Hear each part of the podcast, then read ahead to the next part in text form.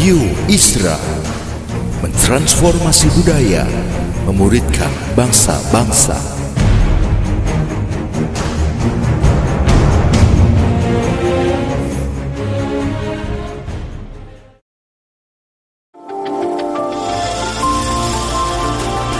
Voice of Pradaim menyuarakan paradigma kebenaran firman Tuhan yang esensi untuk memperlengkapi Anda menggenapi misi dan panggilan ilahi. Selamat mendengarkan.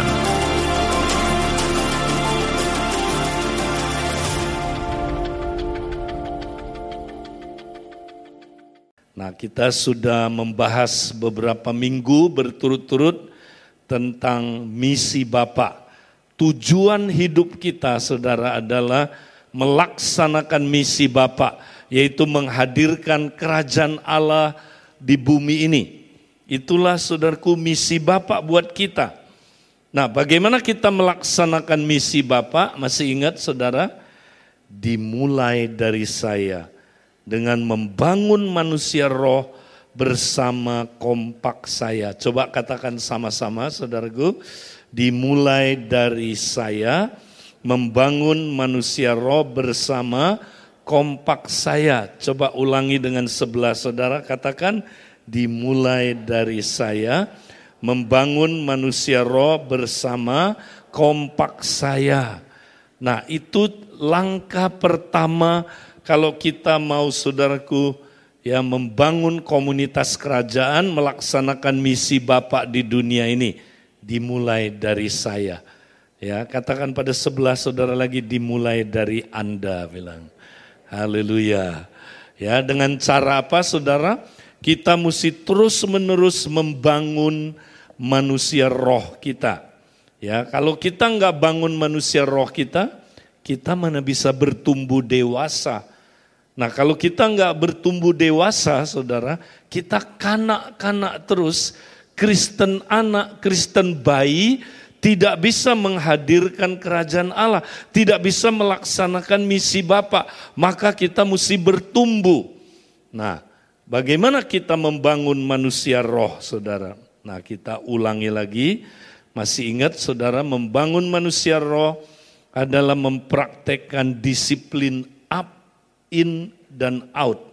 Ya, khususnya disiplin up. Nah, kita udah belajar minggu yang lalu Bagaimana kita saudara mempraktekkan Roma 12 ayat 1 dan ayat 2. Nah minggu lalu kita sudah membahas ya kita harus tiap hari mempraktekkan Roma 12 ayat yang kedua. Nah saudara pembaharuan pikiran, akal budi. Tiap hari kita mesti ngalamin Nah, saudara, dalam kita memperbaharui pikiran kita, ini tidak bisa terlepas dari peperangan rohani. Nah, maka minggu ini kita mau membahas tentang peperangan rohani. Karena itu, mari kita akan baca ayatnya. Efesus pasal yang ke-6, ayat yang ke-10 sampai dengan ayat yang ke-14 boleh kita baca bergantian, saudara saya mulai baca ayat 10 bergantian sampai ayat yang ke-14. Sudah siap? Oke, okay. kalau sudah siap baca dengan suara yang keras. Saya mulai, akhirnya hendaklah kamu kuat di dalam Tuhan, di dalam kekuatan kuasanya. Karena perjuangan kita bukanlah melawan darah dan daging, tetapi melawan pemerintah-pemerintah, melawan penguasa-penguasa, melawan penghulu-penghulu dunia yang gelap ini, melawan roh-roh jahat di udara sama-sama. Sebab itu ambillah seluruh perlengkapan senjata Allah supaya kamu dapat mengadakan perlawanan pada hari yang jahat itu dan tetap berdiri sesudah kamu menyelesaikan segala sesuatu jadi berdirilah tegap, berikat pinggangkan kebenaran dan berbaju jirahkan keadilan. Yang percaya ayat-ayat ini katakan apa? Amin. Nah ayat ini saudara berbicara tentang peperangan rohani. Nah, apa itu peperangan rohani, saudara? Nah, sering kali kita nggak mengerti, saudara. Tahukah saudara, kita tiap hari menghadapi peperangan rohani. Peperangan rohani itu katanya, ya saudaraku, itu adalah sebuah perjuangan. Ya, dikatakan dan karena perjuangan kita bukanlah melawan darah dan daging tapi melawan ya roro jahat di udara. Kata perjuangan, Saudara. Jadi artinya apa? Peperangan rohani itu terus-menerus, nggak pernah berhenti, Saudara. Ya, berhenti sekalipun tidak tiap hari kita harus menghadapi peperangan rohani. Nah, kenapa banyak orang Kristen gak banyak berubah hidupnya? Karena tidak tiap hari berjuang. Karena tidak tiap hari berperang. Nah dia nggak ngerti peperangan rohani. Makanya pikirannya nggak berubah-berubah serupa Kristus. Pikirannya udah 10 tahun ikut Tuhan masih sama dengan dunia ini. Karena dia nggak pernah berjuang tiap hari, saudara. Coba bilang tiap hari. Nah, peperangan kita bersifat tiap hari. Karena disebut perjuangan, saudara. Nah, terus musuh kita siapa? Nah, saudara, musuh kita bukan darah dan daging. Tapi musuh kita adalah tipu muslihat iblis. Juga bukan iblisnya. Musuh kita bukan iblisnya saudara. Tipu muslihatnya. Iblis itu nggak ada apa-apanya. Yang mengerikan dari iblis adalah tipu muslihatnya. Berarti kalau musuh kita adalah tipu muslihatnya iblis, berarti medan peperangannya di mana? di sini. Medan peperangannya di sini. Ada orang sibuk nengking sana, nengking situ iblis.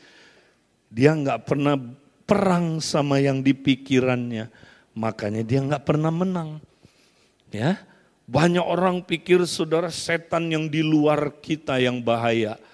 Ya, betul kita kadang-kadang harus berperang melawan yang di udara, saudara. Tapi lebih banyak peperangan rohani urusannya yang di sini.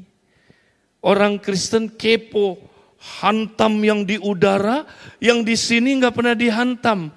Ya, serang yang di udara, yang di sini nggak pernah diserang. Makanya pikirannya tidak berubah-berubah. Anak kita kita nggak pernah ngajarin peperangan rohani. Ya saudara, dia tiap hari dipengaruhi lewat medsos.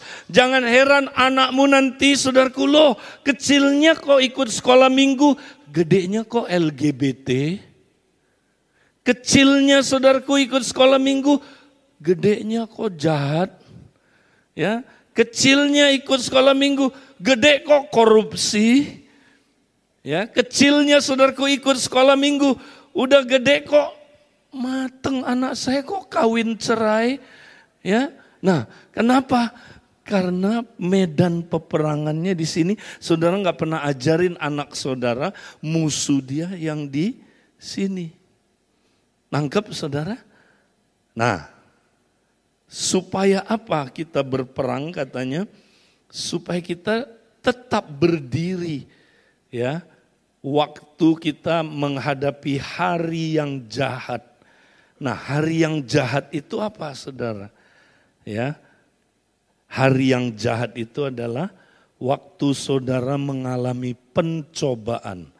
Waktu saudara mengalami tantangan, waktu saudara mengalami masalah, waktu saudara menghadapi apa saudaraku? godaan-godaan, waktu saudara menghadapi konflik, waktu saudara menghadapi saudaraku persoalan-persoalan, itulah hari yang jahat itu. Ya, di mana iblis mau membuat saudara jadi jahat. Nah itu saudaraku peperangannya terjadi di situ. Nah jadi saudara, gimana supaya kita nggak jatuh, tapi bisa tetap bertahan pada hari yang jahat itu saudara. Nah hari ini makanya kita mau lihat ya, jadi masih ingat saudara.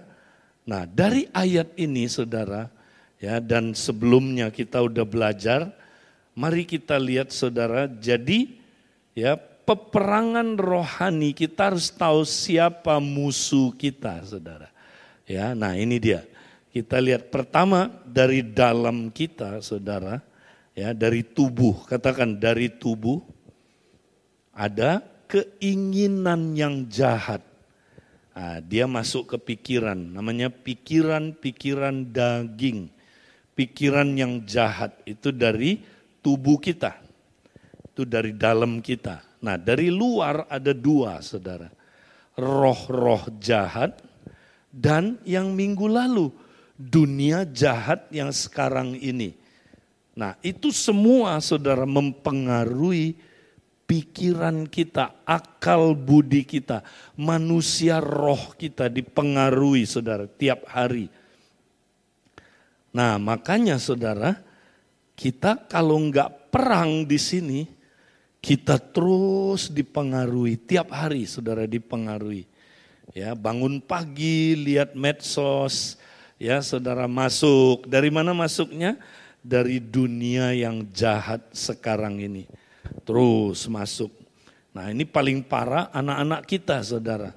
Makanya please saudara yang jadi orang tua Ya, saudara mesti memuridkan anak-anak saudara. Ya. Kalau enggak saudara, mereka terus dipengaruhi. Ya, dipengaruhi oleh pikiran-pikiran yang jahat. Ya, dari dagingnya pikiran yang jahat. Dari setan ya, dia kasih tipuan. Kalau setan kasihnya tipuan. Ya, tipuan-tipuan dia, tipu muslihat, semua yang jahat Perhatikan saudara, dari dalam, dari daging kita ada pikiran yang jahat, itulah nafsu kita. Ya saudara dari luar, dari dunia ini, ya pikiran yang jahat, saudara dari setan, tipuan-tipuan yang membuat kita jahat. Nah masih ingat jahat itu apa saudara? Jahat bukan, wah dia pembunuh, dia jahat. Dia pemerkosa, dia jahat Enggak, jahat itu simple. Yakobus 3 ayat 16. Di mana ada iri hati dan kepentingan diri sendiri, di situ ada segala macam kekacauan dan perbuatan yang jahat. Nangkep saudara, jahat itu egois itu dia. Jadi simple, jahat itu ya egois. Jadi saudara bisa aja nggak perkosa orang, bisa aja nggak bunuh orang, bisa aja saudara tidak korupsi, tapi saudara jahat. Egois di rumah, egois sama istri egois, istri sama suami egois, saudara sama anak egois, di gereja sama kong, anggota kompak saudara egois. Ya, hidup ini penuh dengan egois. Itulah saudaraku yang diajarkan oleh musuh-musuh kita. Kita terus dipengaruhi saudara tiap hari. Nah, kita mesti hadapi. Kita mesti hadapi saudara musuh-musuh kita Nah, bagaimana kita menghadapinya, saudara? Nah, kita mau lihat ya di dalam 1 2 eh, Korintus 10 ayat 4 sampai ayat 5. Nah, ini terus nanti saudara baca berulang-ulang ya. Karena senjata kami dalam perjuangan bukanlah senjata duniawi, melainkan senjata yang diperlengkapi dengan kuasa Allah yang sanggup untuk meruntuhkan benteng-benteng. Kami mematahkan setiap siasat orang dan merubuhkan setiap kubu yang dibangun oleh keangkuhan manusia untuk menentang pengenalan akan Allah kami menawan segala pikiran, katakan segala pikiran, dan menaklukkannya kepada Kristus. Nah, strategi iblis untuk menghancurkan hidup saudara adalah membangun benteng-benteng atau kubu-kubu di dalam pikiran saudara. Itu yang dia bangun. Kalau dia udah punya benteng dan kubu, sudah selesai hidup saudara. Saudara akan kayak kerbau dicocok hidungnya. Saudara begitu di-trigger, ceng, begitu dikasih pemicunya, langsung saudara otomatis berbuat jahat. Otomatis melakukan hal-hal yang egois. Otomatis saudaraku melakukan hal-hal yang tidak berkenan kepada Tuhan jadi cara iblis merusak hidup saudara adalah membangun benteng-benteng atau kubu-kubu. Nah apa itu benteng? Banyak orang Kristen nggak ngerti. Oke, okay? benteng saudara itu adalah ya apa argumen, dasar pemikiran, falsafah kehidupan ini saudara. Nah, setan bangun itu saudara. Ya, dia taruh di pikiran saudara ya argumen-argumen, dasar-dasar pemikiran, ya falsafah-falsafah. Jadi yang iblis bangun adalah benteng-benteng saudara. Di dalam diri saudara. Dia bangun itu dari kecil.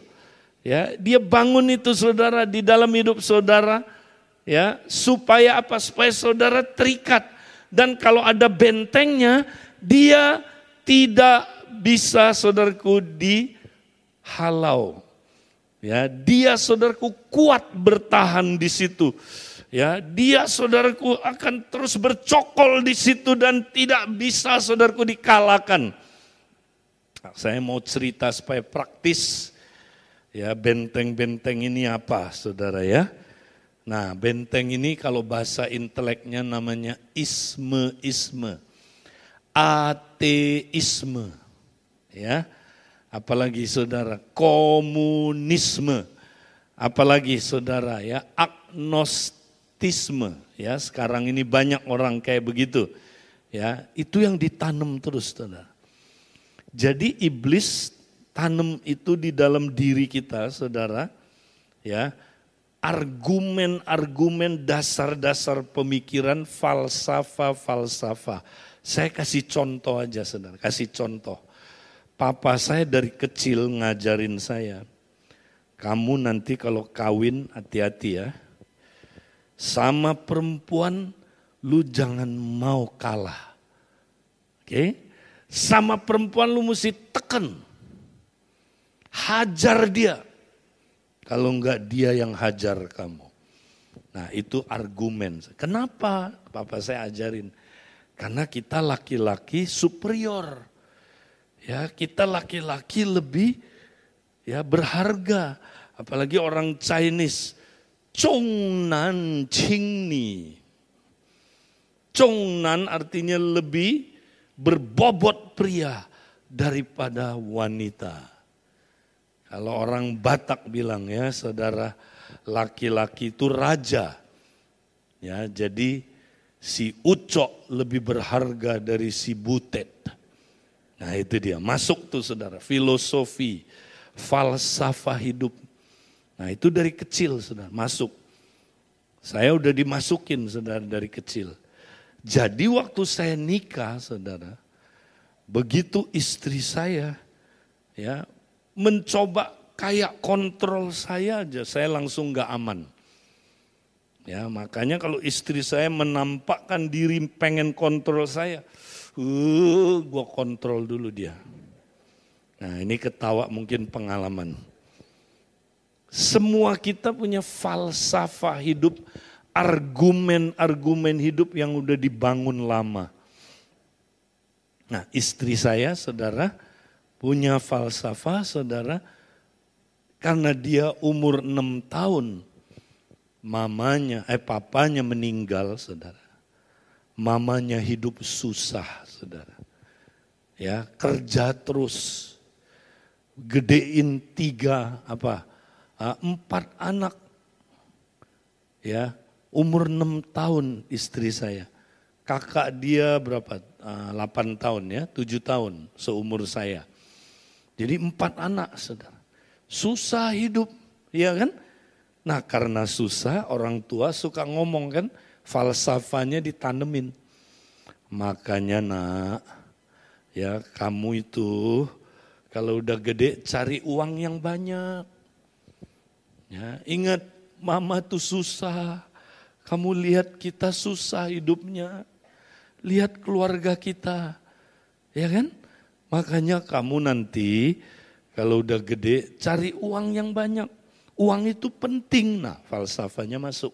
Saudara ngerti? Uang itu penting, bukan Tuhan yang penting dulu. Uang itu penting. Ya, dia nggak ngomong gitu mungkin, tapi itu masuk. Falsafah hidup itulah kubu-kubu, saudara, yang dibangun oleh setan dalam diri kita. Terus, saudaraku. Nah, itu dibangun terus, saudara. Jadi istri saya kalau ada trigger dikit aja, ya ini sebelum pulih ya, ada trigger langsung khawatir. Ya, misalnya saya nyanyi dengan imanku ku hadapi semua. Cia. Dia bilang betul, iman penting, tapi beras juga penting, Bung. Nah itu saudara, ngerti ya? Ah itu kubu-kubu, ngerti nggak? Kita semua punya kubu-kubu yang udah dibangun oleh iblis dari kecil. Semua kita ada.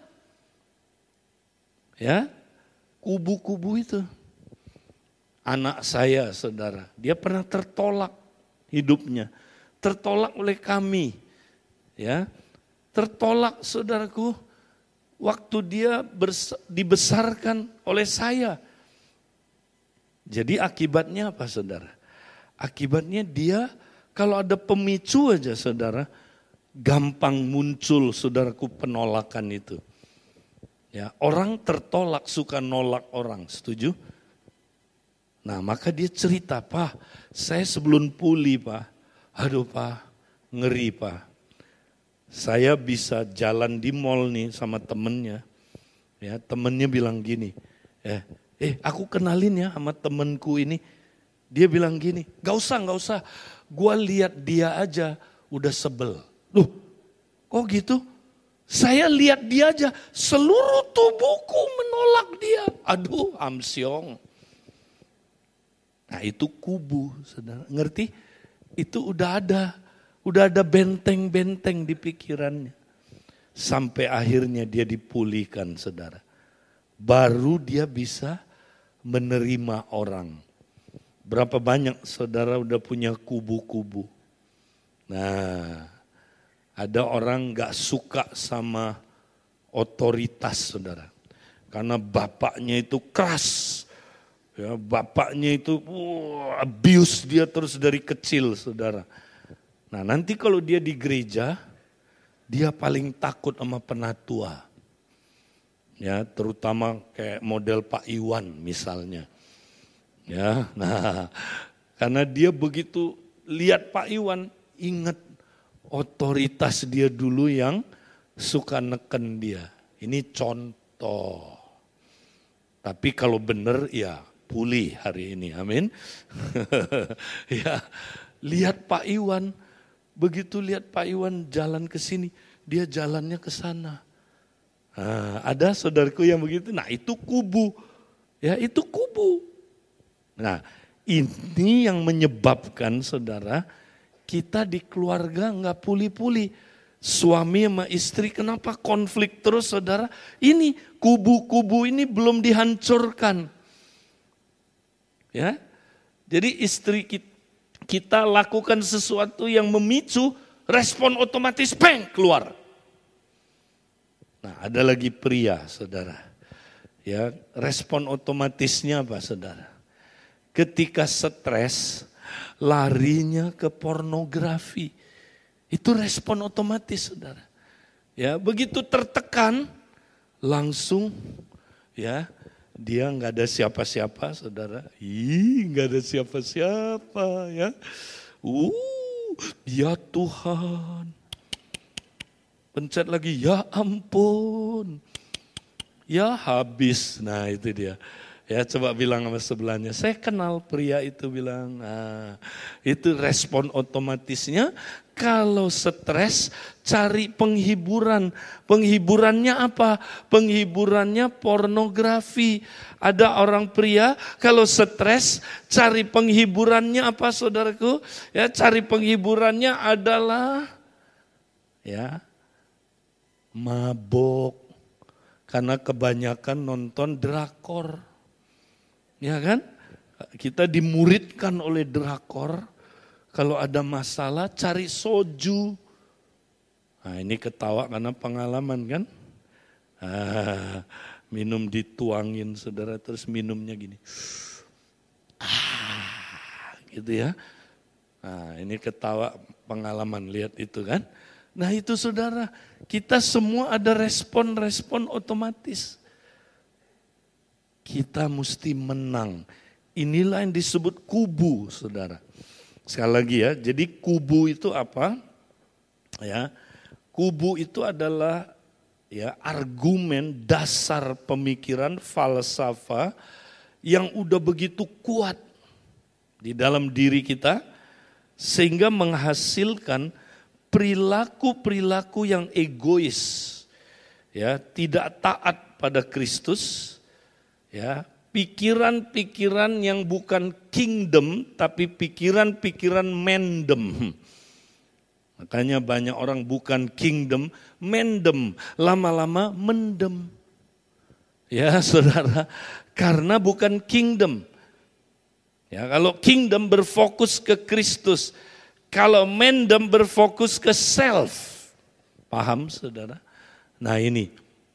Nah, dikatakan di sini saudara, kubu yang dibangun oleh keangkuhan manusia.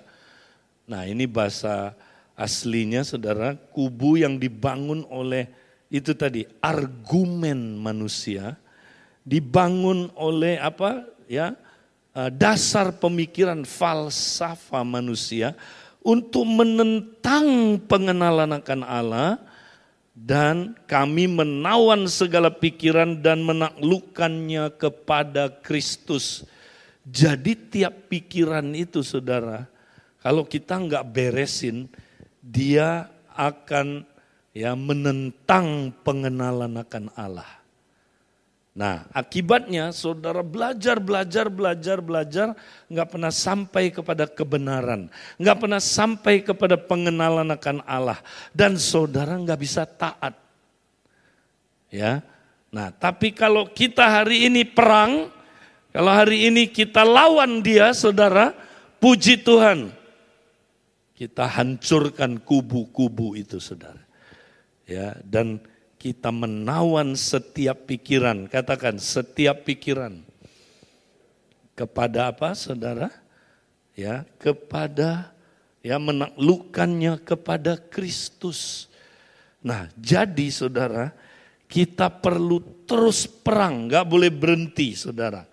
Ya, nah, pengen tanya dalam hidup saudara ada nggak kubu-kubu ini?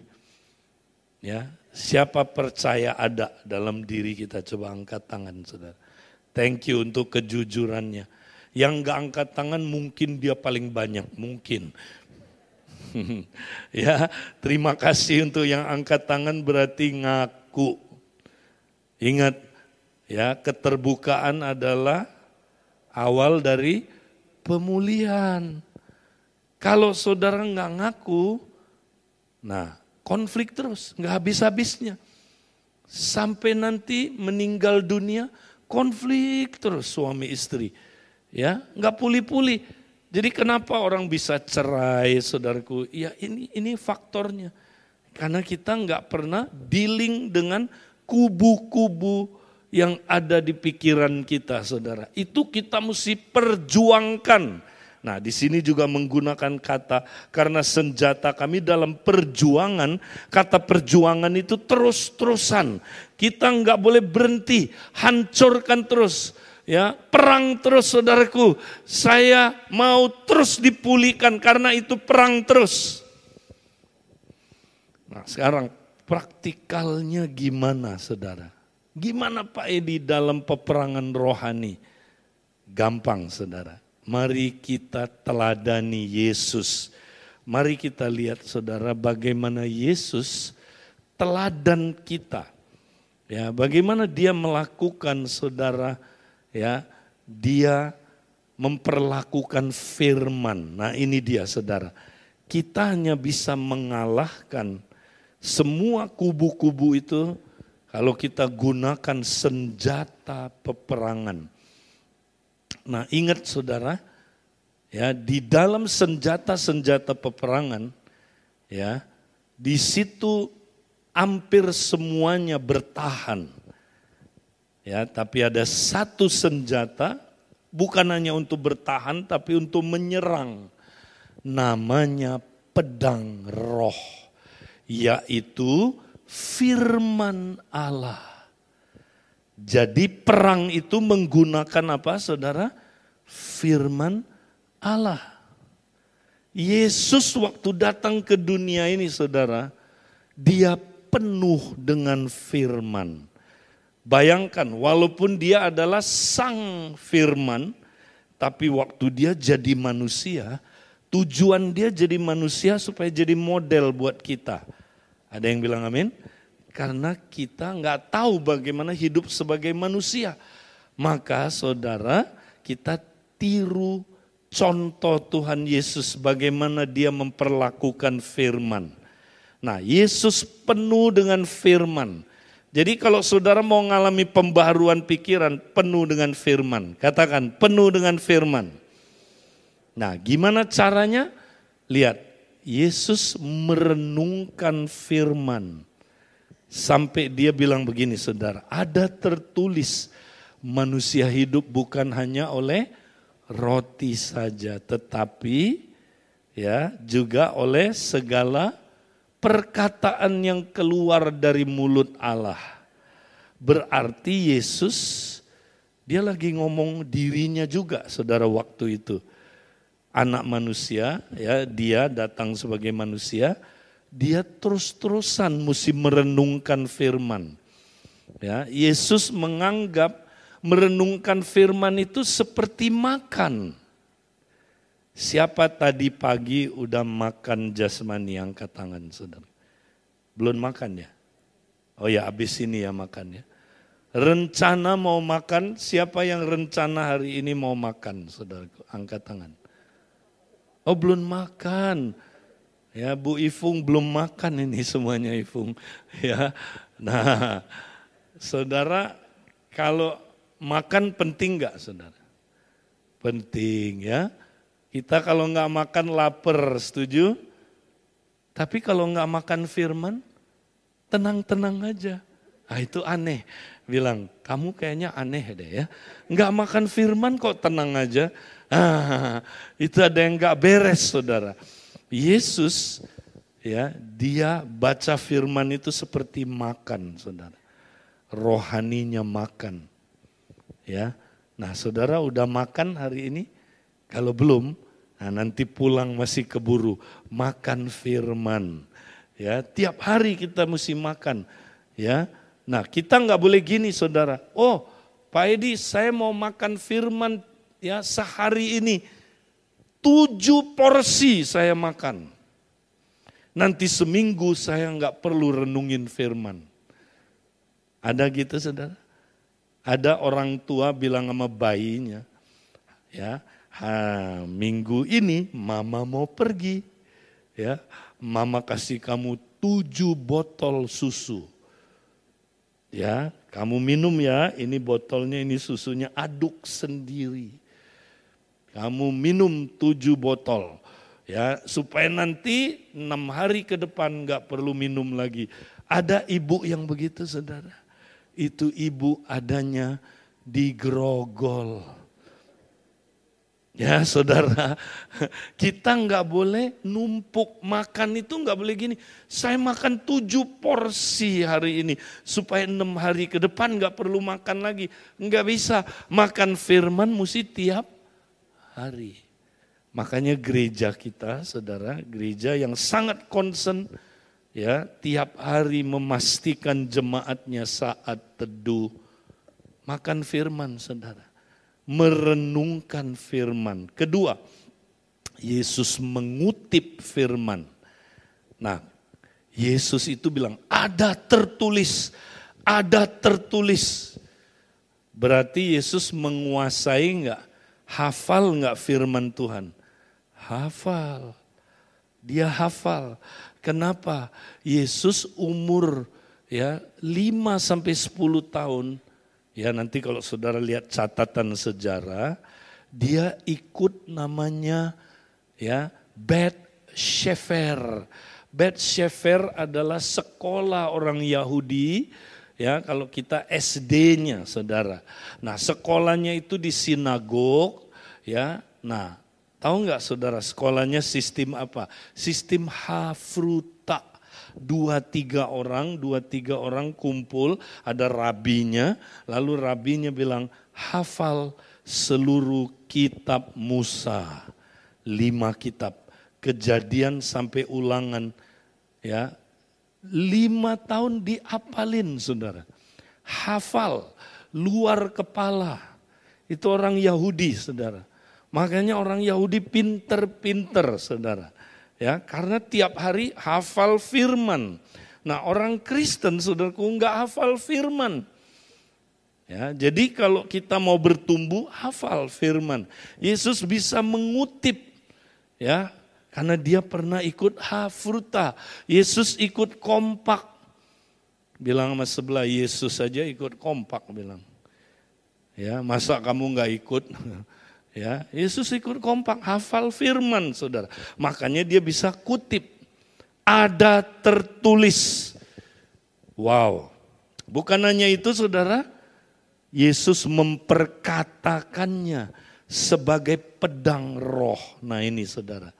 Kalau saudara mau kalahkan setan, tidak ada cara lain dengan pedang roh. Ya, bukan pedang rohani, pedang roh. Tahu pedang roh? Pedangnya siapa? Roh. Siapa roh di sini? Roh Kudus. Jadi ini pedangnya siapa? Pedang roh. Ya.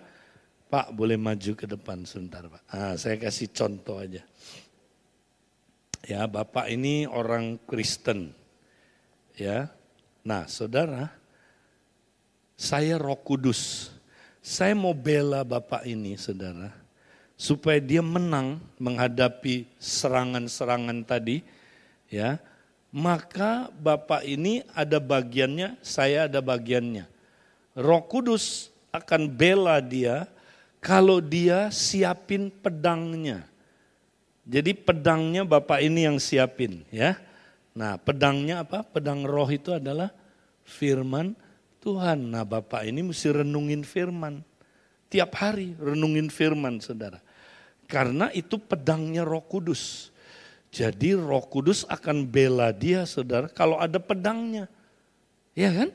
Nah kalau Bapak ini renungin firman terus, maka waktu dia menghadapi pencobaan, roh kudus langsung cabut pedangnya. Cing. Ya, nah, maka setan mau nyerang saudara, Ya Pak boleh maju ke depan Pak. Ah, nggak apa-apa Pak ya. Kita pakai ilustrasi supaya ngerti. Nah Bapak ini misalnya roh jahat. Ini cuma contoh-contoh. Ya saudara. Nah Bapak ini serang. Coba serang dia. Wah serang Pak. Hmm. Hajar dia Pak. ya kurang sungguh-sungguh ini mengajar. Hajar dia. Nah, nah hajar dia. Ya, ya hajar roh kudus tangkis, amin. Ya roh kudus pakai pedangnya, cia. Ya, jadi dia nggak bisa lawan dia, saudara, karena ada pedangnya. Roh kudus cabut pedangnya, cia, cia, cap. Kalah nggak dia? Kalah. Tapi kalau dia nggak sediain pedangnya, Dia nggak pernah baca firman. Diserang, roh kudus cabut, eh si tumpul. Ini cuman bercanda ya. Eh, nggak ada itunya. Ya mana bisa membela dia. Saudara paham? Makanya kita mesti tiap hari baca firman. Ya, merenungkan firman, memperkatakan. Nah, Yesus saja waktu ngadepin iblis, ya, dia bilang apa? Ya, ada tertulis, ya kan? Ada tertulis, baru iblis kalah. Ada tertulis, kamu udah kalah, duduk. Nah, ini contoh aja, ya. Wah, senang Pak ya, menang nggak? Menang, haleluya. Saudara paham? Nah makanya kita mesti renungin firman. Supaya roh kudus punya senjata membela kita. Ya, kita mesti renungin firman. Karena firman itu pedang roh. Ya, Yesus memperkatakannya. Ada tertulis, ingat. Setan gak bisa dikalahkan dengan apa pun kecuali dengan firman. Karena senjata setan namanya tipuan Tipuan hanya bisa dikalahkan oleh kebenaran. Ada yang bilang amin? Firman Tuhan adalah kebenaran, maka dia kalah. Jadi nanti kalau saudara sering renungin firman, ada cobaan, hari yang jahat itu datang. Ya, saudara digoda. Tiba-tiba muncul pedang rohnya. Ada tertulis. Ada tertulis. Ya, saya menang atas beberapa kebiasaan buruk saudara. Lewat saya renungin firman. Ada tertulis, ada tertulis, pedang rohnya bekerja. Nah ini dahsyat saudara. Kemudian apalagi? Yesus mendoakannya. Praktekin suraku namanya scripture prayer. Doakan firman. Sehingga firman itu saudaraku bekerja dalam diri kita. Amin. Doakan ayat-ayat firman saudara. Jadi jangan cuman saat teduh biasa, doakan ayat-ayat itu saudara. Ya. Jadi saudara, kita kalau terus mendoakannya seperti Tuhan Yesus. Terus apa lagi? Mendiskusikannya. Nah ini, ya, mendiskusikannya. Saudara tahu Tuhan Yesus umur 2, 10 eh, sampai 15 tahun dia masuk sekolah second level. Ya. Second level itu apa Saudara? Namanya bed midras. Nah, bed midras itu gini Saudara. Ya, setiap orang Yahudi praktekin ini. Dua tiga orang, dua tiga orang kumpul, ya, hafruta namanya ya saling mengajukan pertanyaan. Saya praktek ini sama istri saya, ya dan saya praktek kami praktekkan ini juga di dalam saudaraku SPK, ya jiwa baru. Ya, jadi saudara saling mengajukan pertanyaan. Satu orang mengajukan pertanyaan, yang lain menjawab termasuk dia. Nah, sesudah itu yang lain mengajukan pertanyaan, yang lain menjawab termasuk dia. Semua orang boleh mengajukan pertanyaan. Lalu setelah kebenarannya digali, kita kemudian bilang begini saudara, kebenaran apa yang kamu dapat hari ini? Cerita. Teguran apa yang kamu dapat hari ini? Perbaikan apa ya yang kamu mau lakukan saudara? Kami lakukan itu Dahsyat banget saudara. Kami mengalami pemulihan-pemulihan saudara. Ya, ketika firman didiskusikan. Makanya Yesus umur 12 tahun dia ditemukan oleh mamanya tanya jawab sama ahli Taurat. Paham saudara? Kenapa dia jago tanya jawab? Karena semua anak Yahudi umur 10 sampai 15 tahun udah terlatih di Bet Misnah namanya. Ya. Bet apa Saudara sorry, Bet Midras ya. Jadi mereka tanya jawab Saudara. Maka Yesus ya sering kali Saudara dia bilang begini, menurut kamu ya ini ayat ini artinya apa? Dia bertanya. Ya, jadi kita juga saudaraku mesti mendiskusikan firman. Baru kekayaannya kita dapat semuanya. Nah, terus apalagi Yesus mengajarkannya.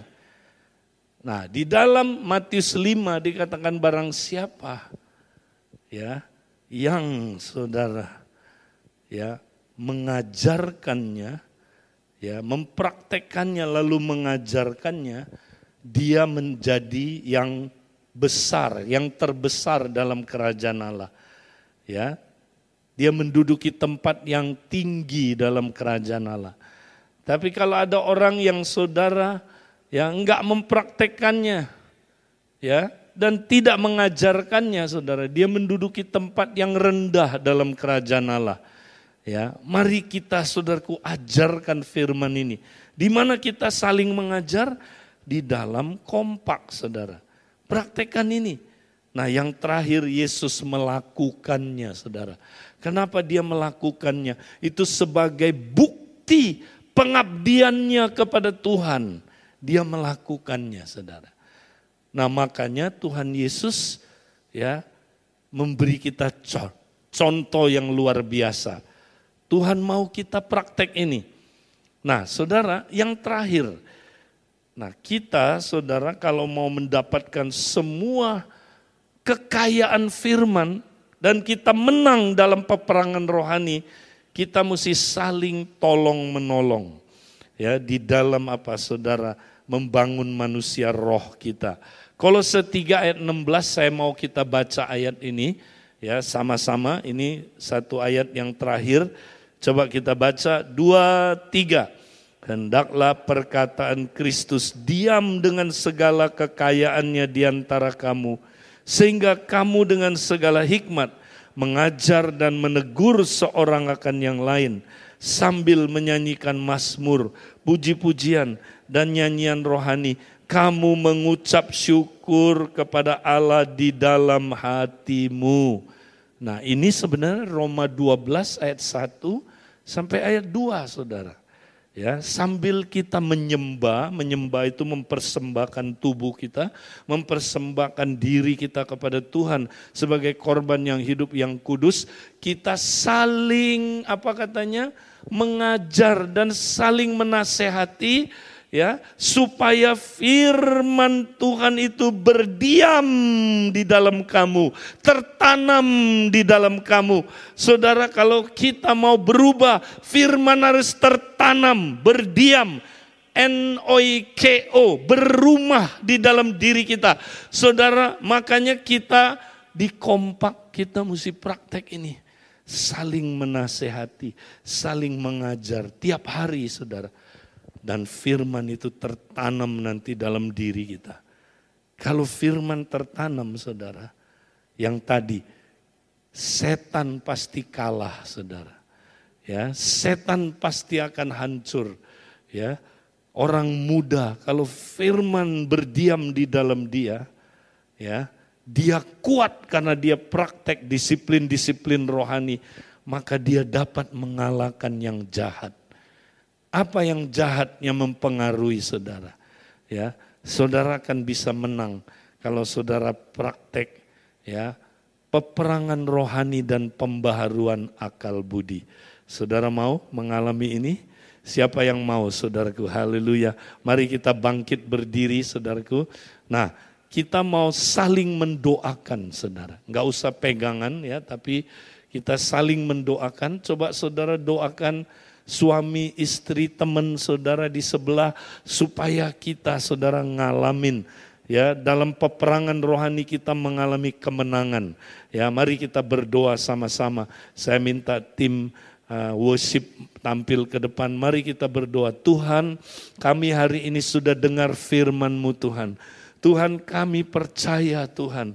Kami Tuhan di dalam kami ada Tuhan Engkau yang berdiam dalam diri kami Tuhan. Tuhan kami percaya kami pasti mengalami kemenangan Tuhan. Kami mau Tuhan menang dalam pertempuran di alam pikiran kami Tuhan. Tuhan kalau ada kubu-kubu pertahanan, benteng-benteng dalam pikiran kami yang menyebabkan respon-respon otomatis Tuhan. Respon otomatis yang jahat, yang egois, yang Tuhan ada di dalam diri kami Tuhan hari ini. Kami mau Tuhan taklukkan Ya. Di bawah kerajaan Amin. Allah. Tuhan kerajaan Allah hadir. Amin. Karena itu Ya. Tuhan kami mau katakan Tuhan segala pikiran-pikiran yang dari musuh kami Ya. engkau sudah dikalahkan Yes. di dalam nama Yesus. nama Yesus. Tuhan apa pun yang mengikat kami hari ini kami terlepas, kami Yes. merdeka Amin. Tuhan. Amin. Tuhan ketika kami nanti kembali ke tempat kami, kami Tuhan kembali ke kompak kami. Kami mau praktekkan Tuhan Ya. peperangan rohani ini. Perjuangan kami Tuhan, perjuangan yang terus menerus, tidak pernah berhenti sampai Ya. kami menjadi serupa dengan Kristus. Terima kasih Tuhan, terima kasih. Di dalam nama Yesus kami Yes. mau deklarasikan Ya. kerajaanmu datang Tuhan. Kerajaanmu Amin. ada di tempat ini Tuhan. Dalam nama Yesus Dengan bersah hati. Amin. Dalam kasih kasih kami rendahkan diri menghadiri tata kasih karuniamu. Eh, ini doa kami. Amin. Kerinduan kami.